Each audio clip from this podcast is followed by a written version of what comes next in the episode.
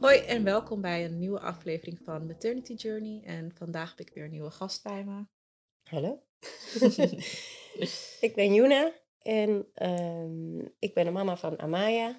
En Amaya ehm, is met 23 weken ehm, is de afgebroken zwangerschap geweest.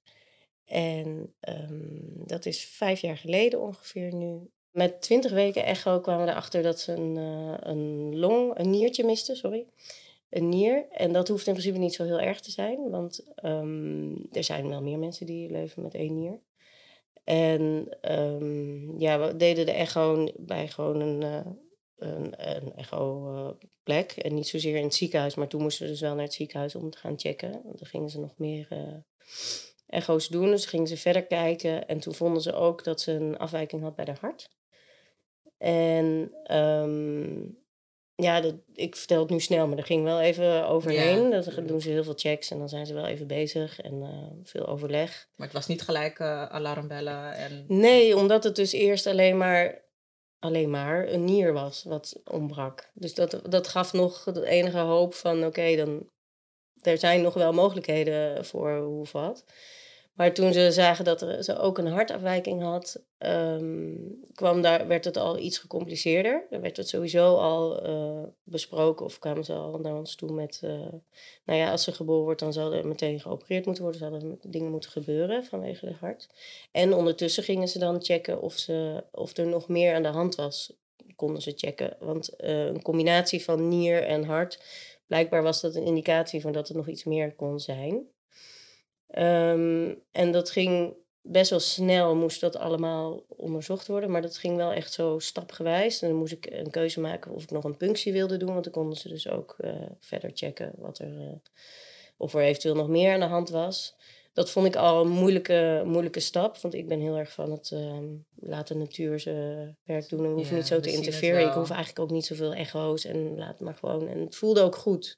Amaya voelde goed wat dat betreft. En ja, Um, nou, daar heb ik wel even moeite gehad om met die, die keus te maken om dus een punctie te doen. Want dan gaan ze dus al echt met zo'n uh, naald echt helemaal in je buik, via je buik prikken ze helemaal door naar je baarmoeder. En dat is gewoon dan niet zonder, zonder gevaar voor je kindje. Um, ja, heb ik wel gedaan. Toch? Kan het best wel. Uh... Ja, ja, en ik vond het gewoon het hele idee om dan te interfereren niet, niet fijn. Maar ja, goed, we waren nu wel al een weg ingeslagen waarbij al duidelijk was dat er dus dingen aan de hand waren. Mm -hmm.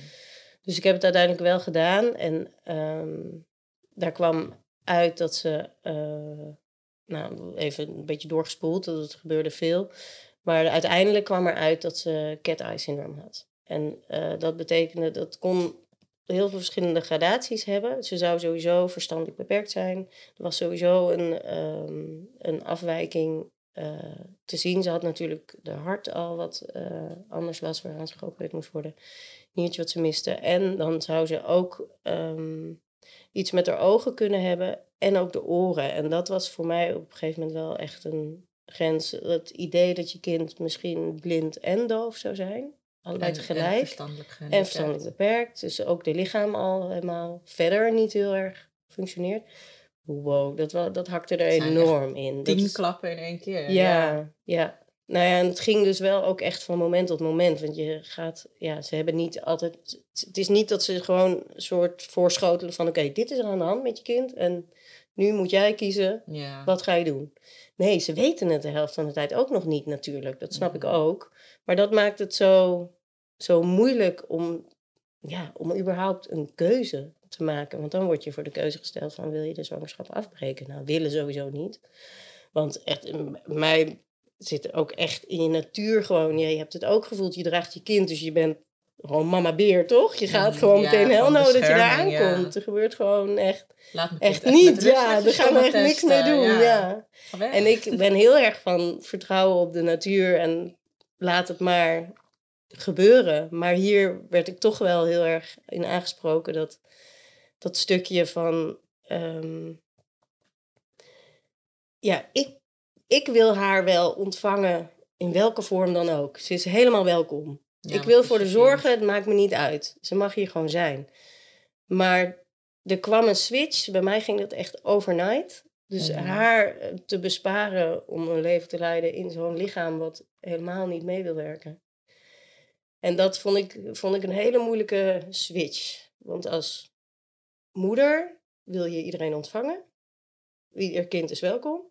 Maar het is dan eigenlijk al je eerste Moedertaak. ja, als ouder al je taak en dan zo'n taak. Oh, Ja. nou, wauw. Nou, ik had dat ook wel. Ik had op een gegeven moment, want ik zei gewoon tegen de arts, nou ja, ik wil gewoon dat jullie doorgaan. Ja, Maar ook omdat ik zag, ik zag hem toen nog niet lijden. Dat waren gewoon wat, wat zij tegen mij vertelde. En pas toen ik zag dat hij steeds meer zuurstof nodig had, dat hij epilepsie, want dat begon hij te krijgen, dat hij echt zeg maar, ja, dat in- ineens zo deed. Oh, Toen dacht ik van, oh, je hebt wel pijn. En toen dacht ik van, ja, is het dan niet egoïstisch als ik ermee doorga? Dat kreeg ik. Maar dat was echt pas op de, de dag voordat hij kwam te overlijden, dat, dat, ehm, dat hij heel erg ineens heel snel achteruit ging. Ja, En dat de arts in het ziekenhuis ook zeiden van... ehm, ja, waarschijnlijk gaat hij zelf... Hij gaat heel erg achteruit, weet je, meer zuurstof, eh, aanvallen. Dus het is echt Het een, een, beetje een tijdbom, om het Ja. zo te zeggen.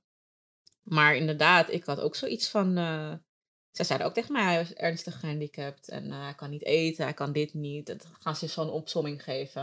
Want ik snap Ja. dat ze gewoon realistisch moeten zijn. Ja, ik zeg gewoon nou en... ja, Ja, maar zo ik. voelde dat op ja, dat moment. Dat, En- snap ik. Dat is dat moederbiergevoel. Van, Ja, hè, En ik denk dat ik nooit, ehm, achteraf had ik nooit gezegd, ja, ik weet het niet hoor. Ik denk dat ik gewoon nooit had gezegd van ja, stop maar. Ik kon het gewoon niet zeggen. Nee, En ik wist misschien wel dat het egoïstisch was. Of nou ja, egoïstisch dat het misschien beter voor hem was. Maar ik kon hem gewoon niet loslaten. Ik, ik kon daar gewoon niet heen met me van, nou ja, ik, stop ermee. Dus dat was heel moeilijk voor mij. Misschien ook omdat Ja. hij natuurlijk de eerste drieënhalf weken dat het gewoon goed ging. En dat hij daarna, dat het heel snel ging. Dus ja, ik dacht gewoon van, ja, dan is dat gewoon mijn leven. ja. Terwijl dat voor hem misschien helemaal niet leuk was geweest. Jij had het al geaccepteerd op het moment dat hij geboren is. Precies. Ja. Terwijl toen nog niet eens. Terwijl ik vroeger echt best wel. eh, nou ja, vroeger voor mijn zwangerschap dacht ik altijd van ja, als een kindje een handicap heeft, dan, dan zou ik dat niet kiezen. Daar niet voor kiezen.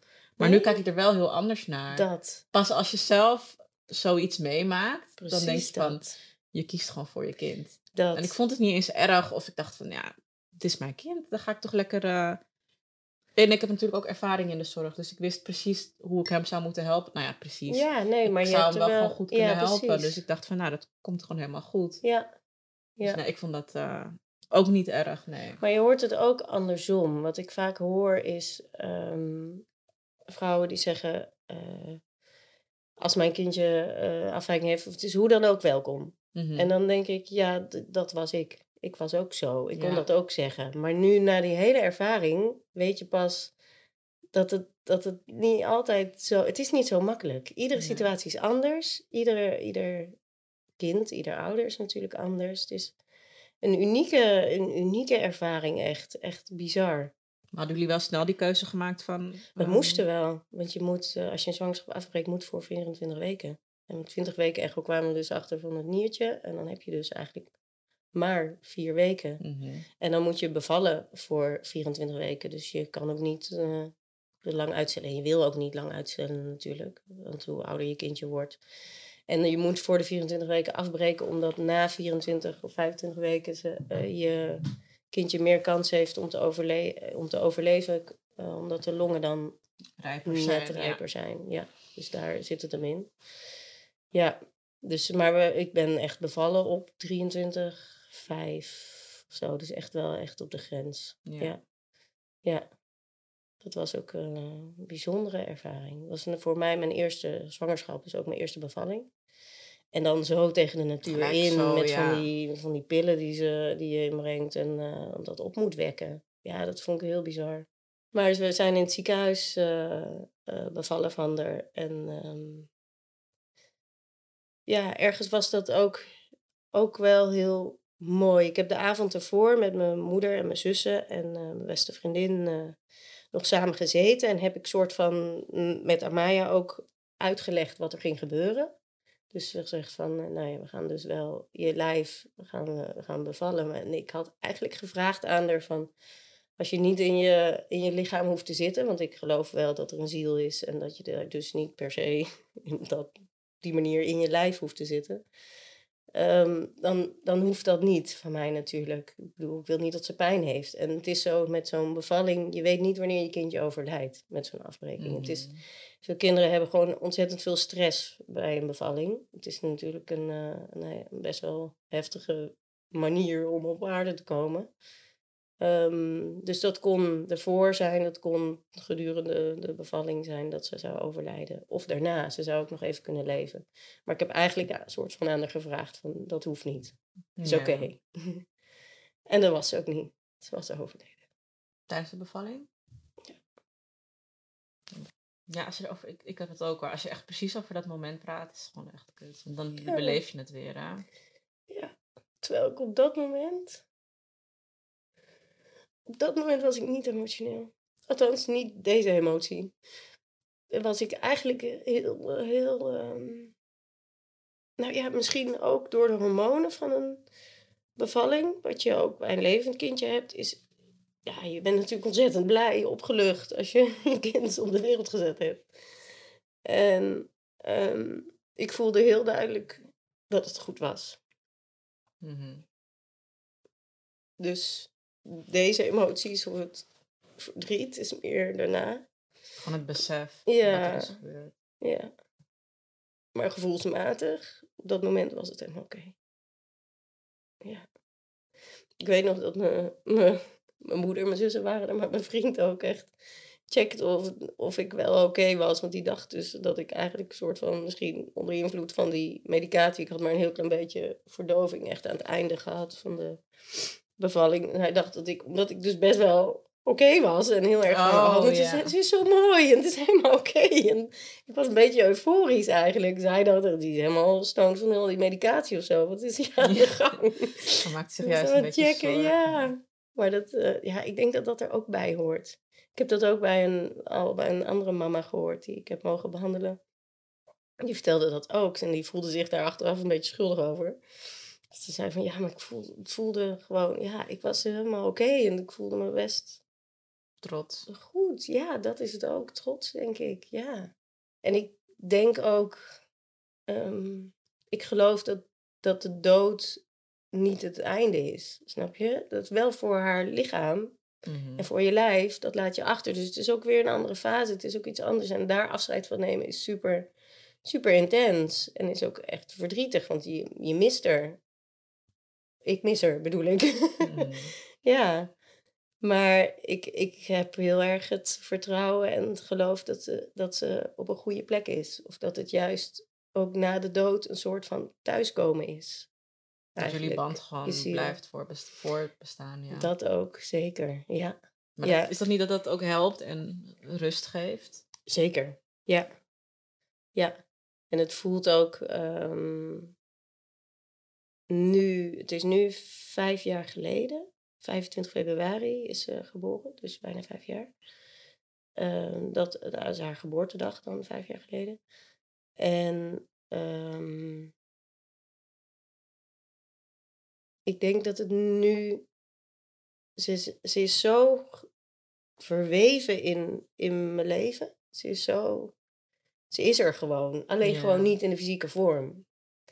En ehm, dat maakt ook dat toen ik begon te werken of de opleiding deed voor postpartum behandelaar, dat ik eh, dus mama's mocht gaan masseren en verschillende behandelingen geven, dat ik heel snel voelde van, oh, maar dit, dit wil ik mama's geven die dat, eh, die eh, een kindje verloren hebben, op welke manier dan ook.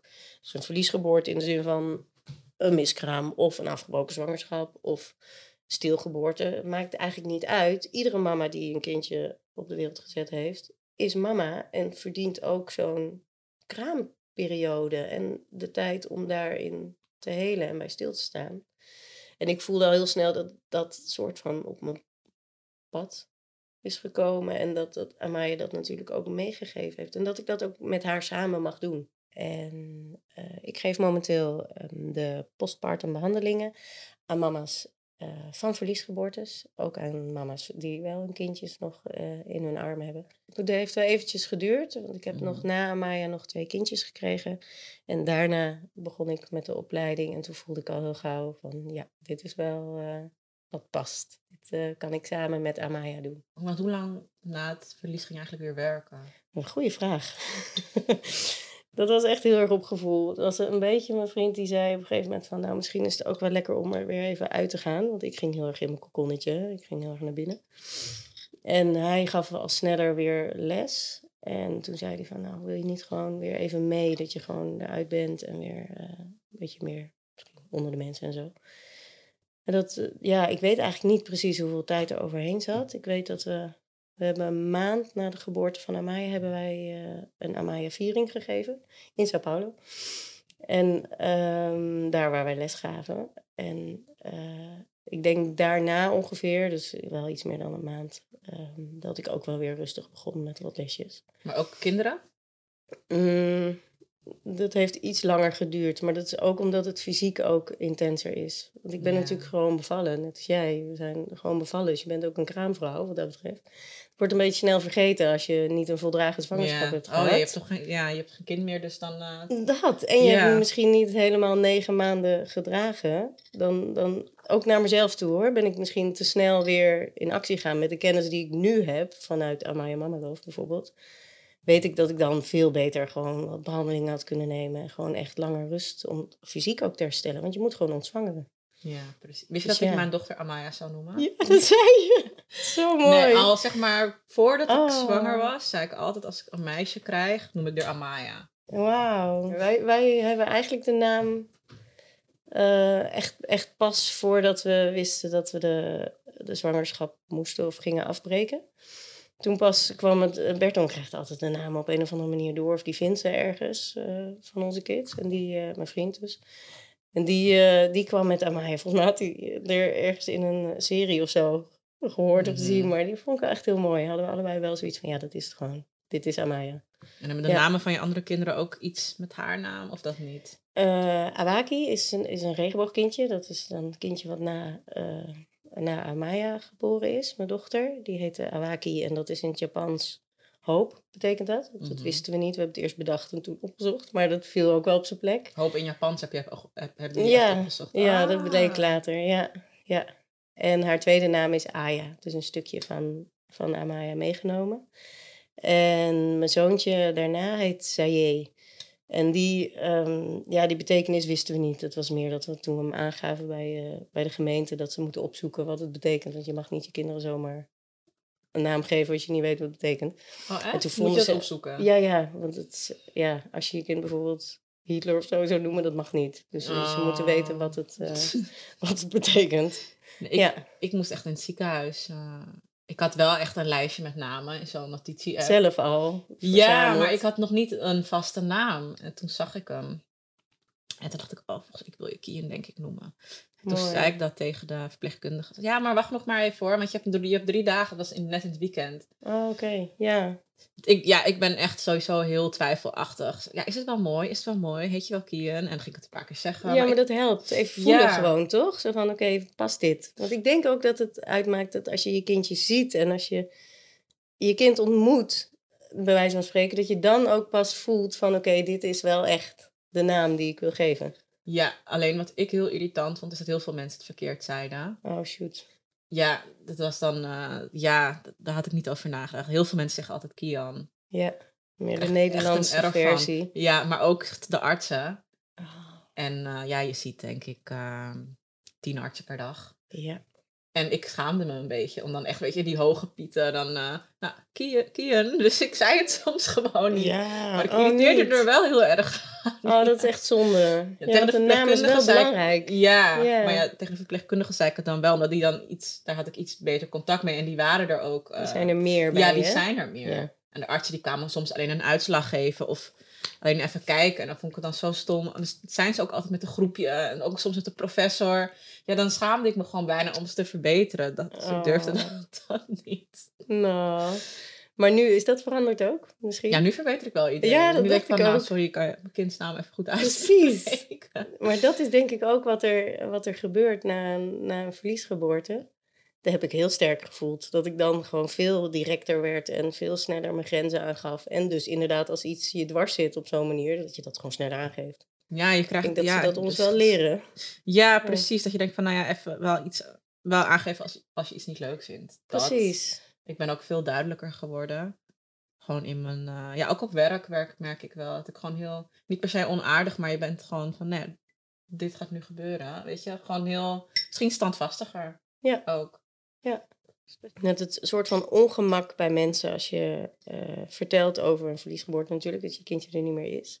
Daarin, daarom ben ik ook wel wat directer geworden. In het begin wel, hield ik nog heel erg rekening met anderen. Zo Mhm. van, oké, ja, dat komt misschien wel heel hard binnen of dit is misschien wel heel gevoelig. Of... Ja. Maar ja, op een gegeven moment voel je jezelf ook wel van, ja, maar het is wel mijn kind en ik wil het wel graag delen. Dus dat ben ik ook wel veel meer gaan doen en ook veel meer, ehm, als het dan gevoelig is voor iemand anders, dat veel meer bij de ander te laten. Dus Ja. veel meer mijn eigen energie, mijn eigen ruimte gaan Maar besparen. heb je niet soms dat je ook geen zin hebt om eh, met een persoon erover te praten? Als het een bepaalde... Ik had bijvoorbeeld laatst, was ik ergens aan het werk. Nou, ik werk dus als, als ehm, invaller, als, als uitzendkracht in de zorg. Dus ik kom op heel veel verschillende plekken. Hmm. En toen had ik laatst dat een... eh, ik had een ochtenddienst. Nou, ik ben sowieso niet echt van de ochtenden. En toen was er een mannelijke collega... Waar ik sowieso niet echt... Een, nou ja, ik kom gewoon om mijn werk te doen. En hij vroeg dus, heb je kinderen? Maar ik kan het voor mezelf en keer niet aandoen om nee te zeggen. Nee. Dus ik zeg Tuurlijk. van ja. Je hebt maar dan kinderen. Komt, dan komt de volgende vraag al. Hoe oud dan? En Ja. ik van, nou ja, ik vind het wel een, best wel een onderwerp om kwart over zeven. Maar, Ja. Terwijl we elkaar net hebben voorgesteld. Maar goed, toen zei ik van, eh, nou ja, mijn zoontje leeft niet meer. En toen was hij gelijk heel ongemakkelijk. Dus eigenlijk dacht ik van, top. Want dan stop hier. Nu is het klaar. ja, Ja. en toen zag ik dat hij helemaal geen houding had. Ik ja, Ja. ja, stiekem vond ik het wel een beetje leuk. Want ik dacht, ja, top, weet je, het is kwart over zeven, even Het is het niet het moment. Ja. En toen ging ik dus drinken halen. En toen kwam hij dus, eh, ja, nou, ik vind het wel heel heftig, hoor. Ik zei, ja, dat, Ja. Dat, dat klopt. En toen zei hij van, ehm, nou ja, vertel. Toen zei ik, nou, sorry, het is kwart over zeven. Dus Mag ik eerst even gewoon eh, een kopje thee En zo, zo. Misschien wil je niet ja, vertellen. toen zei hij Ja. van, eh, oh, ik wist niet dat je er niet over wou praten. Hmm. Toen zei ik van, nou ja, het is niet dat ik er niet over wil praten, maar ehm, het is kwart over zeven. En Nu ik kom gewoon om te werken. En eh, ja, je weet Ja. net hoe ik heet, dus ik heb daar inderdaad niet echt behoefte aan. Maar ik kan gewoon over mijn kind praten hoor. Ja. Ja, en toen was de hele dienst wel heel stil. Oh ja, dat is de toon gezet. ja, Ja. maar ik dacht, nou ja, ik snap ook dat mensen nieuwsgierig zijn. Maar ja, vertel. Ik, ik- Ja, het is een beetje onhandig. Misschien Ja. wilde je ook wel interesse tonen en je de ruimte geven om het te delen natuurlijk. Dat is fijn als mensen wel willen luisteren, maar het is niet het moment is, dan is het ook ja, dat was je- het meer. En je moet dan ook eh, ondertussen gewoon allemaal mensen eh, verzorgen. En voor het ontbijt zorgen. Ja, dan ga ik niet van, nou ja, trouwens, eh, we lagen in het ziekenhuis, toen kreeg je een infectie. Terwijl ik een broodje zit te smeren, weet je. Dus Nee, Dat is gewoon niet het moment. moment. Nee, nee, en ja, soms begrijpen mensen dat niet. nee, dat klopt. Maar ik vind het ook wel heel fijn als mensen er wel naar vragen hoor. Dat wordt toch ook niet echt. Heb je dat niet, zeg maar, omdat het bij jou iets langer geleden is dat niemand er meer naar vraagt? Nee, ik bedoel, Amaya is bij ons best wel aanwezig binnen het gezin sowieso. Mhm. Mijn dochter eh, betrekt er, er vaak bij. Die benoemt er ook. En we hebben in huis heb ik zo'n eh, een kastje, een soort Amaya-tafel gemaakt. Dus allemaal dingetjes van haar staan erop en een fotoboekje. En ja, dat is best wel aanwezig gewoon in de, in de kamer. En, eh, dus wij laten het zelf best wel aanwezig zijn in ons gezin.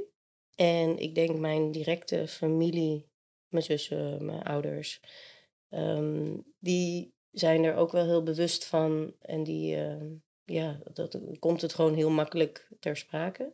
Ik denk daar verder iets, mensen die iets verder van ons afstaan, dan komt het vaak toch meer vanuit mij. Dat ik er gewoon benoem in Ja. bepaalde settingen of zo. Dat ik denk van ja, dan betrek ik er er gewoon bij, denk ik. Ja, Maar dat is oké. ook Als een, ja, is oké. snap ik wel. En ik heb ook, dat, wat jij vertelt, als mensen vragen van hoeveel kinderen heb je, dan moet ik altijd even een soort van voorbereiden, want het, er zit zo'n uitleg bij. ja, En je ik weet heb dat dan, je voelt hem al dat. aankomen. Ja, het is even, het is, je zegt niet gewoon even snel, soms wel hoor. Daar is mijn vriend beter in, die zegt dan gewoon zelf, ik heb vier kinderen klaar, zo. En dan, ja. Ja, en ik heb dan mijn liefdochter, dus dat is eigenlijk de dochter van mijn vriend. Dus ik heb haar niet gebaard, maar ze is ook van de derde, ze is nu 15, dus van de derde is ze al in mijn leven. Eh, en daarna kwam Amaya, dan moet je uitleggen dat die dus niet meer leeft. En dan nog twee, dus het is zo'n heel lang verhaal. En dan moet je inderdaad soms even afwegen van, oké, ga ik nu dat hele verhaal doen? Of zeggen we gewoon maar snel Vier. hoeveel er zijn. Maar Ja, ja, dan kan- de volgende vraag, hoe oud? Ja, ja. Ja, dan zeg ik wel de leeftijd en dan zeg ik eh Amaya halverwege de zwangerschap of 23 weken in de zwangerschap eh, verloren. En hoe lang na het eh, verlies van Amaya was je zwanger? Negen maanden. Dat is eigenlijk een soort zwangerschap ertussen geweest. Ja. Ja. Was dat, Til- moeilijk? Was dat moeilijk? Ehm, nou, in eerste instantie echt. Je krijgt dan in het ziekenhuis nog zo'n gesprek van, nou ja, dan moet je aan de anticonceptie eh, wel, wil je niet weer snel zwanger worden. En je gevoel, je li- lijf is nog helemaal afgestemd op een zwangerschap. En je gevoel, mijn gevoel in dat mo- mo- moment ook eigenlijk. En ik was heel erg van, nou ja, ieder kind is welkom, dus als we nu snel zwanger worden, vind ik dat echt niet erg. Maar je zit wel, of ik zat wel met dat gevoel van, ja, het vervangt Amaya niet natuurlijk. Mhm. Ieder kindje wat er nu komt, is niet Amaya. Ja. Of misschien wel, is maar net wat je gelooft. Maar, ehm, dus dat was wel een, een beetje een, een worsteling. Van, van oké, hoe, hoe sta ik daarin? Of hoe voelt dat? Maar eigenlijk wilden we gewoon no- nog zwanger zijn. We hadden nog steeds kinderwens. En ik denk dat ik voor Amaya duurde het ook wel iets van een jaar of zo voor ik zwanger was. Dus ja, en na Amaya had ik wel ook de onzekerheden van... eh, kan ik dan nog wel zwanger worden? Is het me wel gegund op deze manier? Of zal je altijd zien dat het dan net niet Ja, lukt, snap je je? natuurlijk, of tenminste ik dan, verhalen opzoeken dat iemand het Oh, nooit meer is dat- gelukt. En dan, Nee hoor. Oh. ja, ik heb daar ook wel heel lang, ehm, dat ik dacht, ja, het is me gewoon niet gegund. Ik heb het ook echt wel gezegd, maar dat is dan aan de andere kant zo negatief. Ja, precies. En Dan moet je niet naartoe Ja, gaan. want anders gaat, ja, het per se dat het anders gaat gebeuren, maar je gaat er dan zo erg in geloven. Maar ik heb dat ook wel Mhm. gedacht, ja, Ja. het is Nee. niet gegund en laat maar. En weet je, Oh, dat. lief. En voor jou is het nu zes maanden geleden? eh, zeven. Zeven? Oh. Ja. Nee, ik zeven maanden geleden is hij geboren, zes maanden overleden. Ja. Ja. Ja, dus eh, nou ja, het is natuurlijk bij mij niet aan de orde nog, maar ik weet het gewoon niet. Stiekem lijkt het me wel leuk hoor, om nog een levend kindje te hebben, zeker. Het komt als het komt. Precies, en dat is sowieso dan iets eh, voor in de toekomst. Maar ja, Ja. het lijkt me heel spannend. Ik denk Ja. dat ik eh, echt elke, elke dag een echo zou willen hebben. Ja? Ja. Ja, of nou, ik weet niet hoe ik het zou vinden, want bij mij is natuurlijk proble- ja, het probleem bij mijzelf. Dus ik zou eh, die cyclage moeten plaatsen door middel van een operatie, medicatie. Dus ja, Ja, dat maakt niet. het wel extra spannend en extra Ja. zorgelijk. soort van dat je toch wel extra wilt checken, dat kan ik me voorstellen. Ja, en je bent natuurlijk medisch. En Ja. ehm, ik zou gewoon, ik weet niet per se of ik elke week een echo zou willen. Ik, ik denk dat ik gewoon, omdat ik dit al heb meegemaakt, dat ik gewoon bang zou zijn ja, voor een vroeggeboorte. Ja, me voorstellen. Dus Ja. dat de 24, 25 jaar, dat zou ik echt. eh, ja, Ja, ik weet niet die die dagen zou doorkomen. Ja, Nee. precies. Nee, het heeft mij, het heeft mij geholpen dat ehm, ik werd, werd na negen maanden zwanger. Maar toen waren wij voor een jaar naar Curaçao gegaan. Dus ik werd eigenlijk op Curaçao eh, zwanger. En ehm, ik was nog op een reis naar India met mijn moeder gegaan. Dat was een hele mooie, mooie reis. En toen had ik ook heel veel gedroomd over het moederschap en over...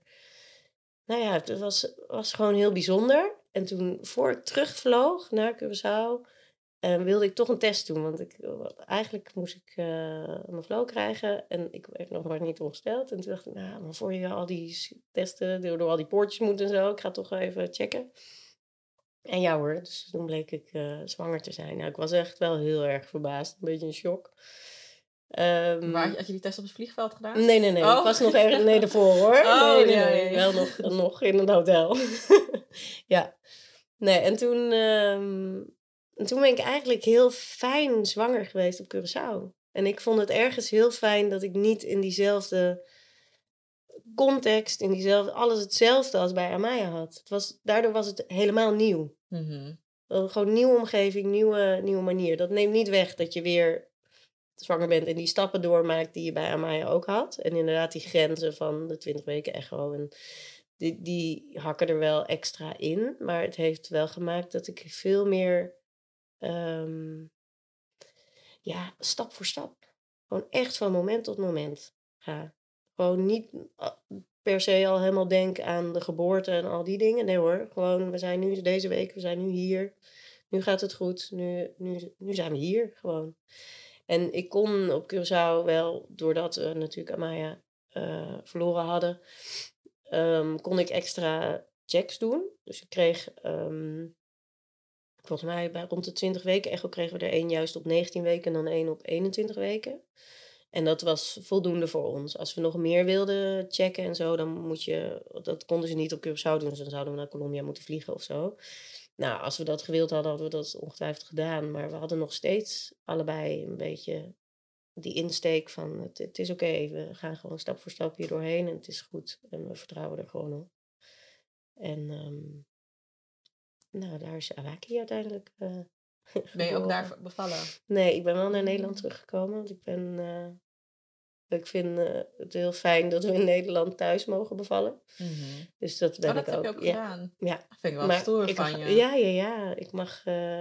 Ik, we hadden nog, geen, nog niet echt ons eigen huis hier. Dus ik ben in het huisje van mijn moeder bevallen. En dat was ook heel bijzonder. Gewoon door mijn moeder en ik dan moeder word. Nog mm -hmm. een keer eigenlijk. Maar ja, thuis in bad. Uh, was echt uh, een hele mooie bevalling. Dus het was ook heel fijn na zo'n ervaring uh, ja, het ziekenhuis met Amaya alles. Was dit echt, ja. Maar mocht gewoon dat heel gewoon? Ja.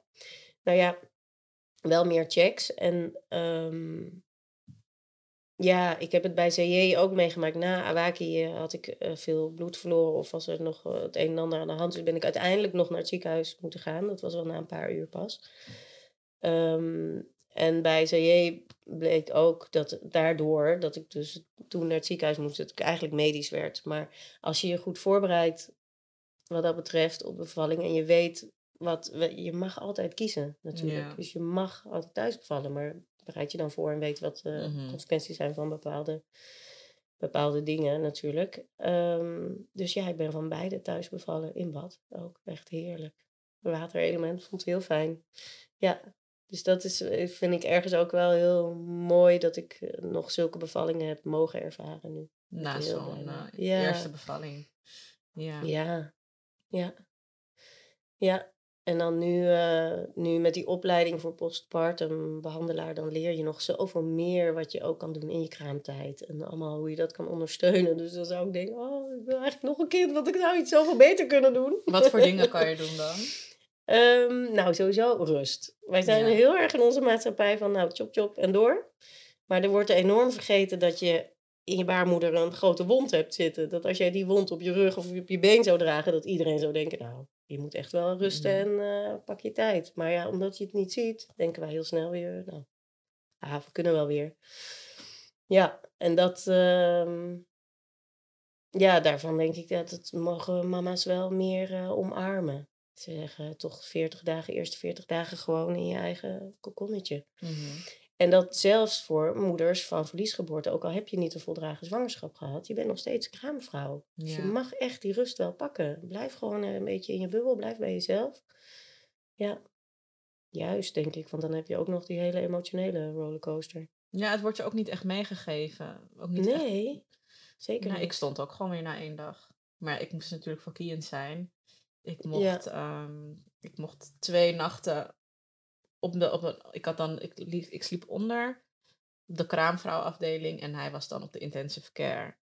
Maar ik vond dat kon ach, niet bij hem. Jawel, later, toch? maar Ja. ik, ze zeiden tegen, eh, zij zeiden tegen mij dat het beter was als ik zeg maar de eerste nacht sliep op het bed. Nou ja, dat deed ik toen. en eigenlijk moest, mocht, moest, slash mocht ik daar twee dagen slapen.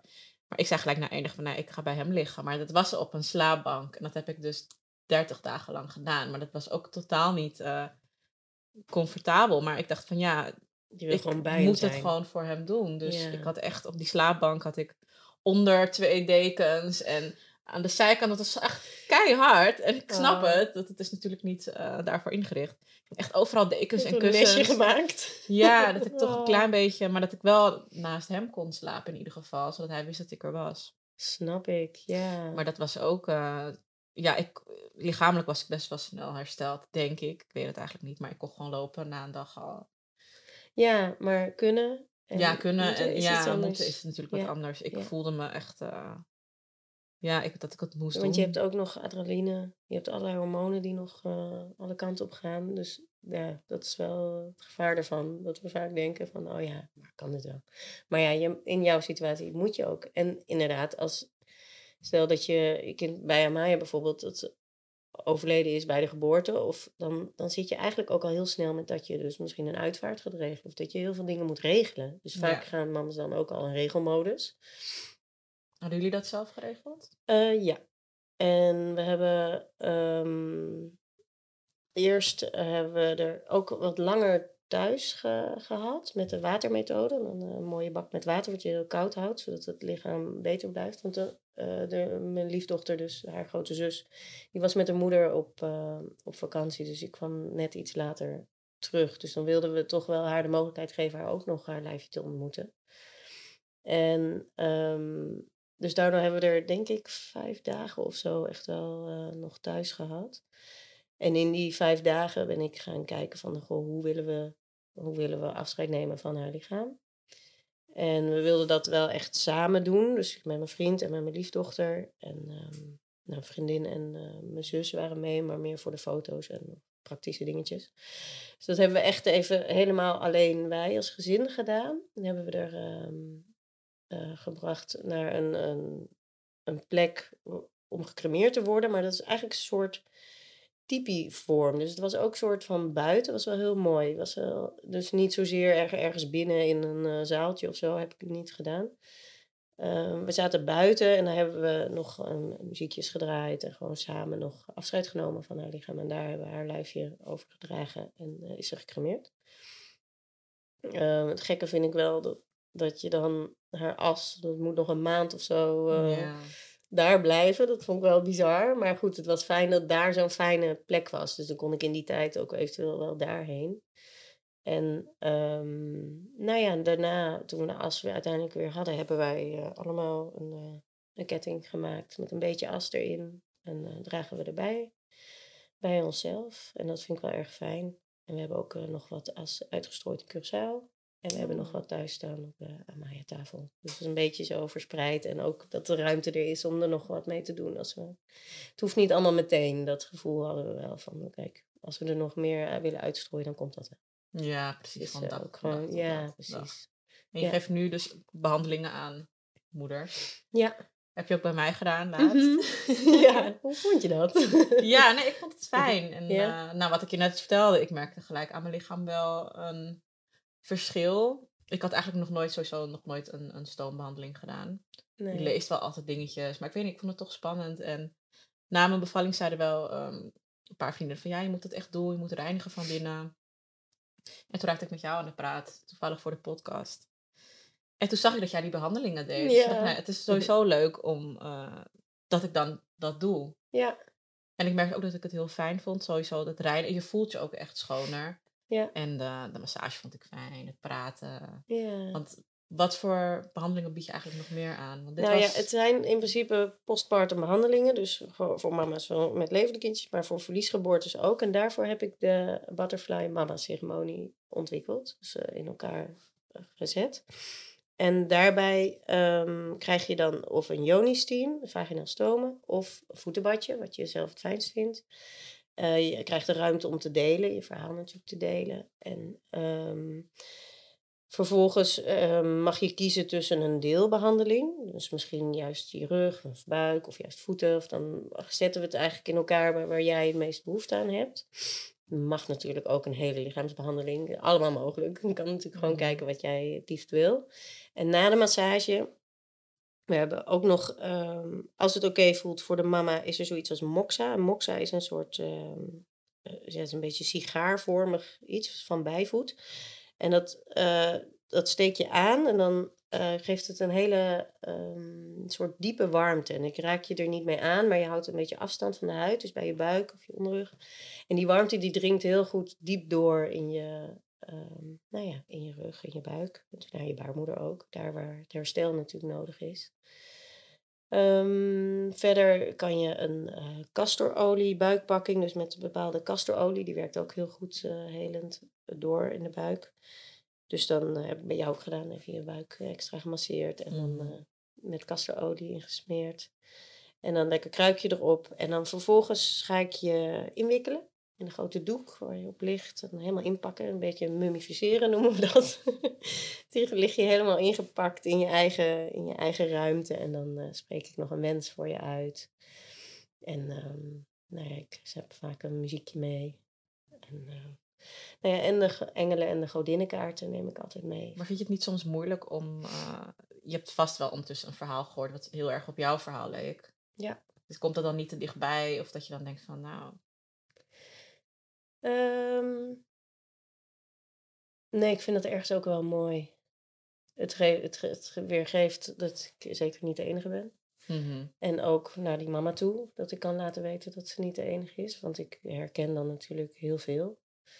Um, ik kan me voorstellen um, na een zwangerschapsafbreking dat je erg zit met, uh, nou ja, met die keuze. Ik vind het dus ook niet zo fijn, want het voelt niet als een keuze op een bepaald moment. Ja. Op dat moment. Maar um, nou ja, daar de mama's natuurlijk met een soort schuldgevoel kunnen zitten of da ja, daarmee rondlopen. En dan vind ik het fijn dat ik dat stukje ook ervaren heb. Dus dan kan ik dan makkelijker indelen juist. En dan, ja, misschien, en hopelijk hield dat natuurlijk ook aan beide kanten. Bij mij doet dat wat met mijn verwerking en mijn stuk daarin, maar ook voor die mama's ook dan. Je daarom ook die cursus gaan doen en het bedrijf opgezet? Echt om... Nou, dat viel eigenlijk pas op zijn plek toen ik het al deed. Ik vond het gewoon Oh, super interessant. ja. Ja. ik gaf al zo lang yogalessen en, en danslessen en al die, al die dingen. Dat ik dacht van ja, maar ik wil ook weer even iets nieuws doen. Ik kreeg na me, de valling van mijn zoon weer een beetje zo'n drive van oké, maar dit vind ik wel leuk. Hier wil ik me wel in verdiepen. En um, dus toen deed ik die opleiding en toen ik eigenlijk een naam ging bedenken en zo, toen, toen pas viel het op zijn plek dat ik dacht, ja, oh, maar dit is, dit is Amaya. Dit is, daar zit een lijntje. Dus toen, Toen, is dacht je ook van, ik ga de focus leggen op... Nou ja, niet de focus, maar ik ga ook... Ja, eh, veel, wel veel aandacht hoor. Ik, eh, ja. ik mm, ben wel daar net een beetje unieker in dan natuurlijk de meeste postpartum behandelaren. Omdat ik hier wel meer aandacht aan geef om te richten op verliesgeboortes. Ja. Ja. Dus toen eigenlijk pas nadat je die opleiding volgde, dacht van... Oké, ik ga me hier meer op richten. Ja, ja. En vind je het nog die- steeds leuk tot nu toe? Ja, ja, ik vind het heel bijzonder. Ja, en ook omdat het dus voelt alsof ik het, nou niet alsof, dat ik het samen met Amaya kan doen op deze manier. En ze blijft daardoor ook veel meer aanwezig in mijn leven natuurlijk. En eh, ik vind het gewoon heel fijn om er voor mama's te kunnen zijn. Het is wel heel bijzonder werk. Ja. Ja. Nee, Ja. ik merk ook als ik gewoon met lotgenootjes praat of een beetje door de podcast. Het is gewoon fijn om iets voor een ander te kunnen betekenen. En ehm, weet je, soms krijg ik ook een berichtje van ja, ik kijk, ik kijk echt al je afleveringen of ik heb je aflevering gezien en het doet me echt goed. En dan denk je van oké, ja, dat is gewoon, ja, het klinkt heel cliché, maar dat is gewoon eigenlijk waarvoor je het doet. Precies. En als één iemand ehm, dat afstuurt, dan ben ik al gewoon content. Ja, ja, snap dan, ik. denk, dan denk ik van oké, ja, nu ga ik gewoon door ook. Weet je, soms, heb ik, soms denk ik van nou, ja, soms heb je ook gewoon een off day. Of denk ik van, hmm. En dan krijg je zo'n bericht en denk ik van oké, dit maakt. En ik zeg het ook gewoon tegen ze van nou, je hebt echt mijn dag gemaakt. Je hebt geen idee. Goed zo. Ja. Dat mag ook wel gedeeld worden. Ja. Precies. Ja. ja, en ik denk dat we zo eh, onderling van mama's zoals wij, dat je, eh, het is heel fijn om die herkenning te voelen. Wat je ook vaak hoort is, het is fijn om iemand te spreken die gewoon weet wat je Ja, die je doormaakt. echt, echt begrijpt. En Ja. niet alleen met je meeleeft.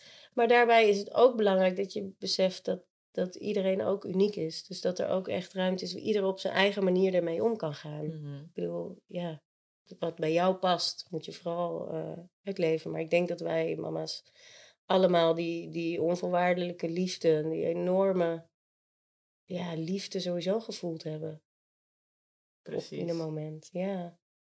Ja, dus het is wel mooi dat je daarin eh, verbindt met anderen. Terwijl je misschien, ja, stel je voor dat ik jou een jaar geleden had gezien, hadden we elkaar gewoon waarschijnlijk voorbij gelopen.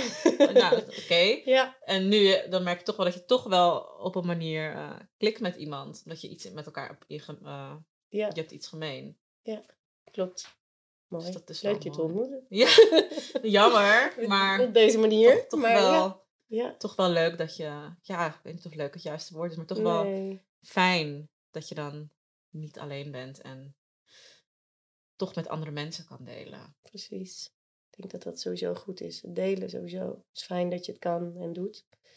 Dat, eh, dat het besproken wordt. Laat onze kindjes meer aanwezig zijn. Ja, en ik hoop echt dat, eh, dat het taboe gewoon een keertje doorbroken wordt. En Nou, dat dat- het gewoon... eh, Doe Ja. je al een hele goede stap, denk ik, hiermee. ja. ja, Ja. precies. ja, en over blijven praten helpt, denk ik. Doe ik ook, vind ik fijn. Ook na vijf jaar later gewoon Ja, nog aanwezig blijft. zijn. Ja, Het is niet dat het na vijf jaar... Soms zeggen mensen ook van... eh, ja, over een paar jaar. Of als je andere kinderen...